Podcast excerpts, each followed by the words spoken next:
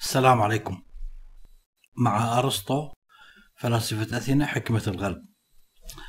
بحلقة يوم أمس وصلنا إلى أنه أفلاطون يكفر في هذه الحياة الدنيا وكل هم عالم المثل.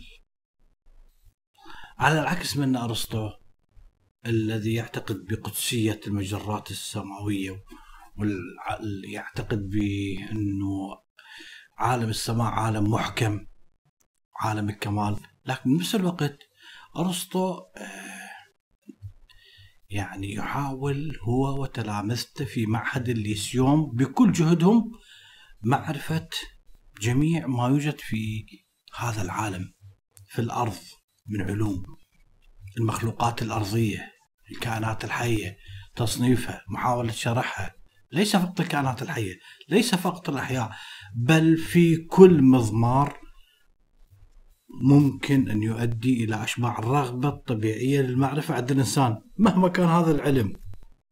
لذلك نشاط أرسطو نشاط تلامذته ليس فقط في الأمور العلمية. على سبيل المثال قاموا بتجميع تفاصيل 158 دستور سياسي.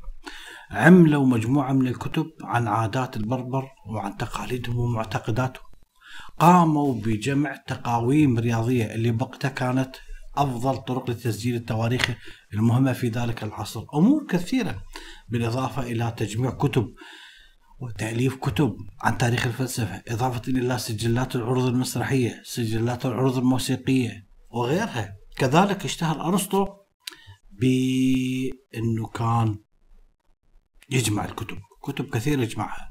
لذلك يبدو أنه معهد الليسيوم كان يحتوي على مخططات تشريحية كان يحتوي على مخططات تشريحية لجسم الإنسان، يحتوي على خرائط، يحتوي على حتى ربما عينات بيولوجية شكلت جزء من هذه المكتبة الضخمة الموجودة في معهد الليسيوم. ولذلك العلم المفضل عند أرسطو هو علم الأحياء، بالتحديد دراسة علم الحيوان.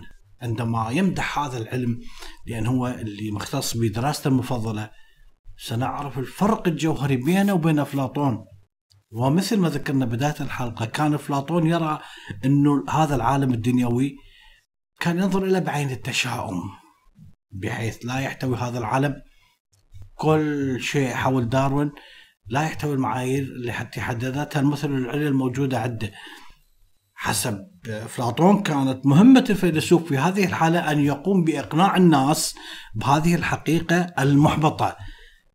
أن يقنعهم بالسمو فوق هذا العالم الدنيوي. حتى ولو في عقولهم فقط.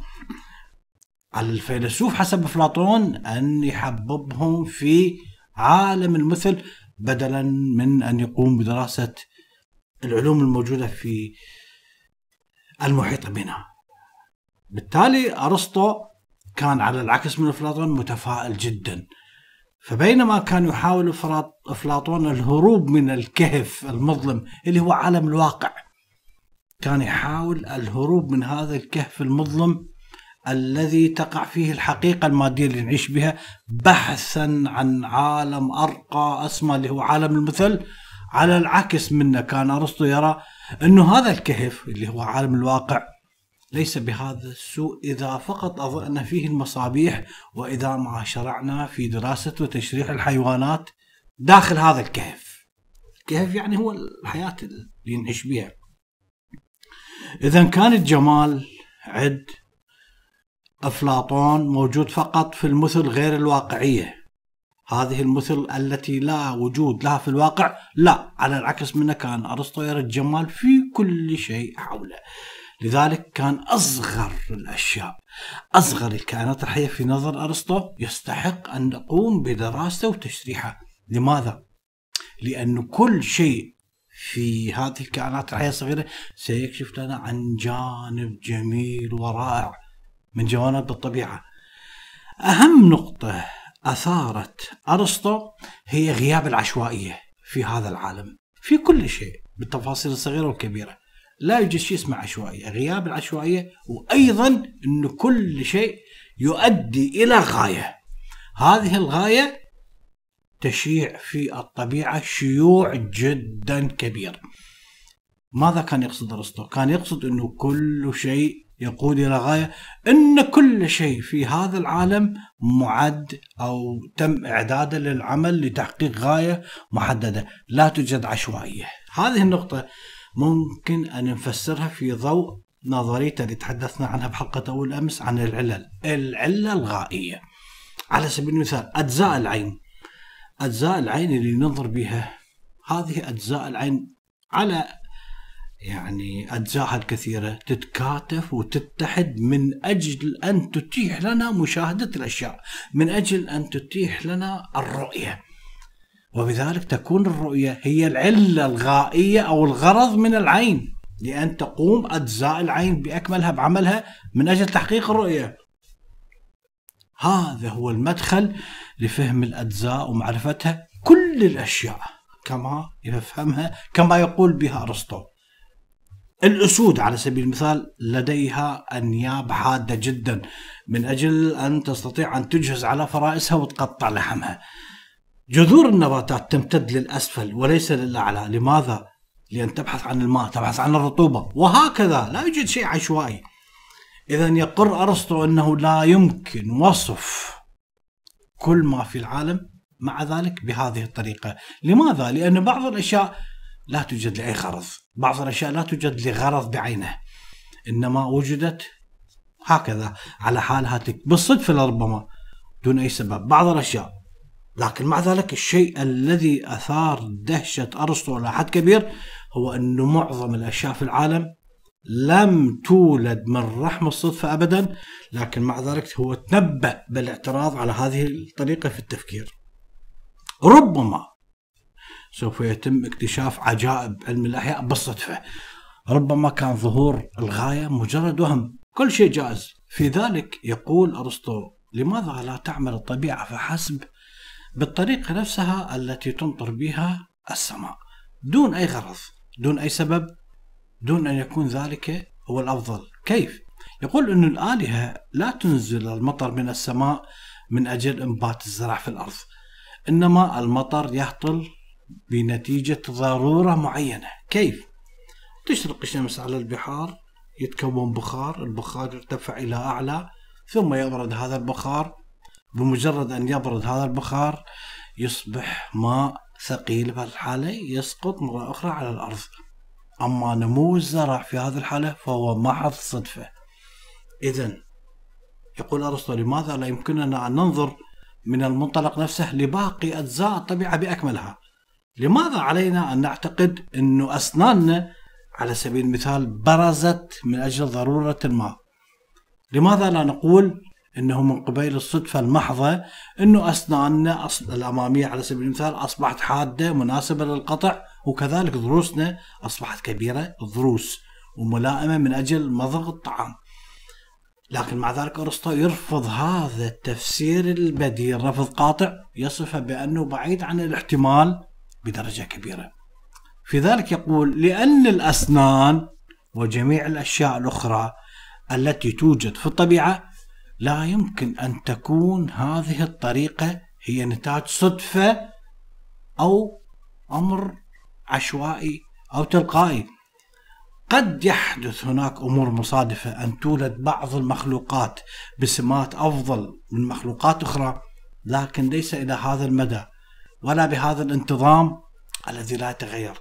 فلو كانت الأمور كلها صدفة على سبيل المثال لو كانت الصدفة هي المسؤولة عن وجود الأسنان هذه الأسنان التي تكون محكمة في المضغ وتقطيع الطعام. على سبيل المثال إذا كانت الصدفة هي المسؤولة فهناك أسنان كثيرة سوف تكون ليس لها علاقة بالصدفة ستكون سيئة الصنع لأن الصدفة تنتج لك اللي أنتجت أسنان جيدة بنفس الوقت بالحالة توجد أسنان سيئة جدا. فإذا نظر الإنسان حوله فلن يجد في هذه الحالة مثال على التنوع العشوائي. أرسطو كان محق في هذا الكلام. لماذا؟ لأنه ليس من قبيل الصدفة أن توجد أو تقوم الطبيعة بإيجاد هذا القدر من الإحكام. بالتالي على سبيل المثال يمكن أن الأسنان الحادة هي التي مكنت الأسود من اصطياد الفرائس. هذا التمكين هو جزء من بقاء ووجود هذه الأسود. لولا هذه الأسنان لما وجدت هذه الأسود. هذا بالضبط اللي كان يرمي إلى أرسطو. لأن أرسطو كان على يقين من أنه مبدأ المنفعة. مبدأ النفع يلعب دور كبير جدا في التفسيرات البيولوجية. رغم أنه أرسطو لم يكن يدرك السبب الحقيقي وراء هذا الكلام وراء هذا المبدأ لماذا؟ لأن أرسطو لم يكن يعرف شيئا عن نظرية التطور والانتخاب الطبيعي داروين فعلى سبيل المثال في مثل في في المثل اللي ضربناه عن الأسود نجد انه أرسطو فاته أمر جدا مهم. فاته معرفة انه الأسود التي تمتلك أسنان حادة ستحظى بفرصة للبقاء والتكاثر أكثر من الأسود الأخرى التي لا تمتلك اسنان حادة وقاطعة. بالتالي سوف تنتشر أكثر. سوف تورث هذه الصفات إلى إلى الأجيال اللاحقة لأن الأسود التي ستأتي فيما بعد أيضا سوف تكون تحتوي على اسنان قوية قاطعة. سيكون لها اسنان كاسنان أسلافها. هذه التفاصيل المهمة توضح لك طبعا اللي ذكرها داروين فيما بعد يعني ب 2000 سنة نستطيع من خلالها أن ندرك انه هذه الأسنان التي تستخدم من أجل أن تحقق لك هدف معين هي تساعد على بالنسبة للأسود تفسير وجود وبقاء الأسود لحد هذا اليوم سبب هذه الأسنان.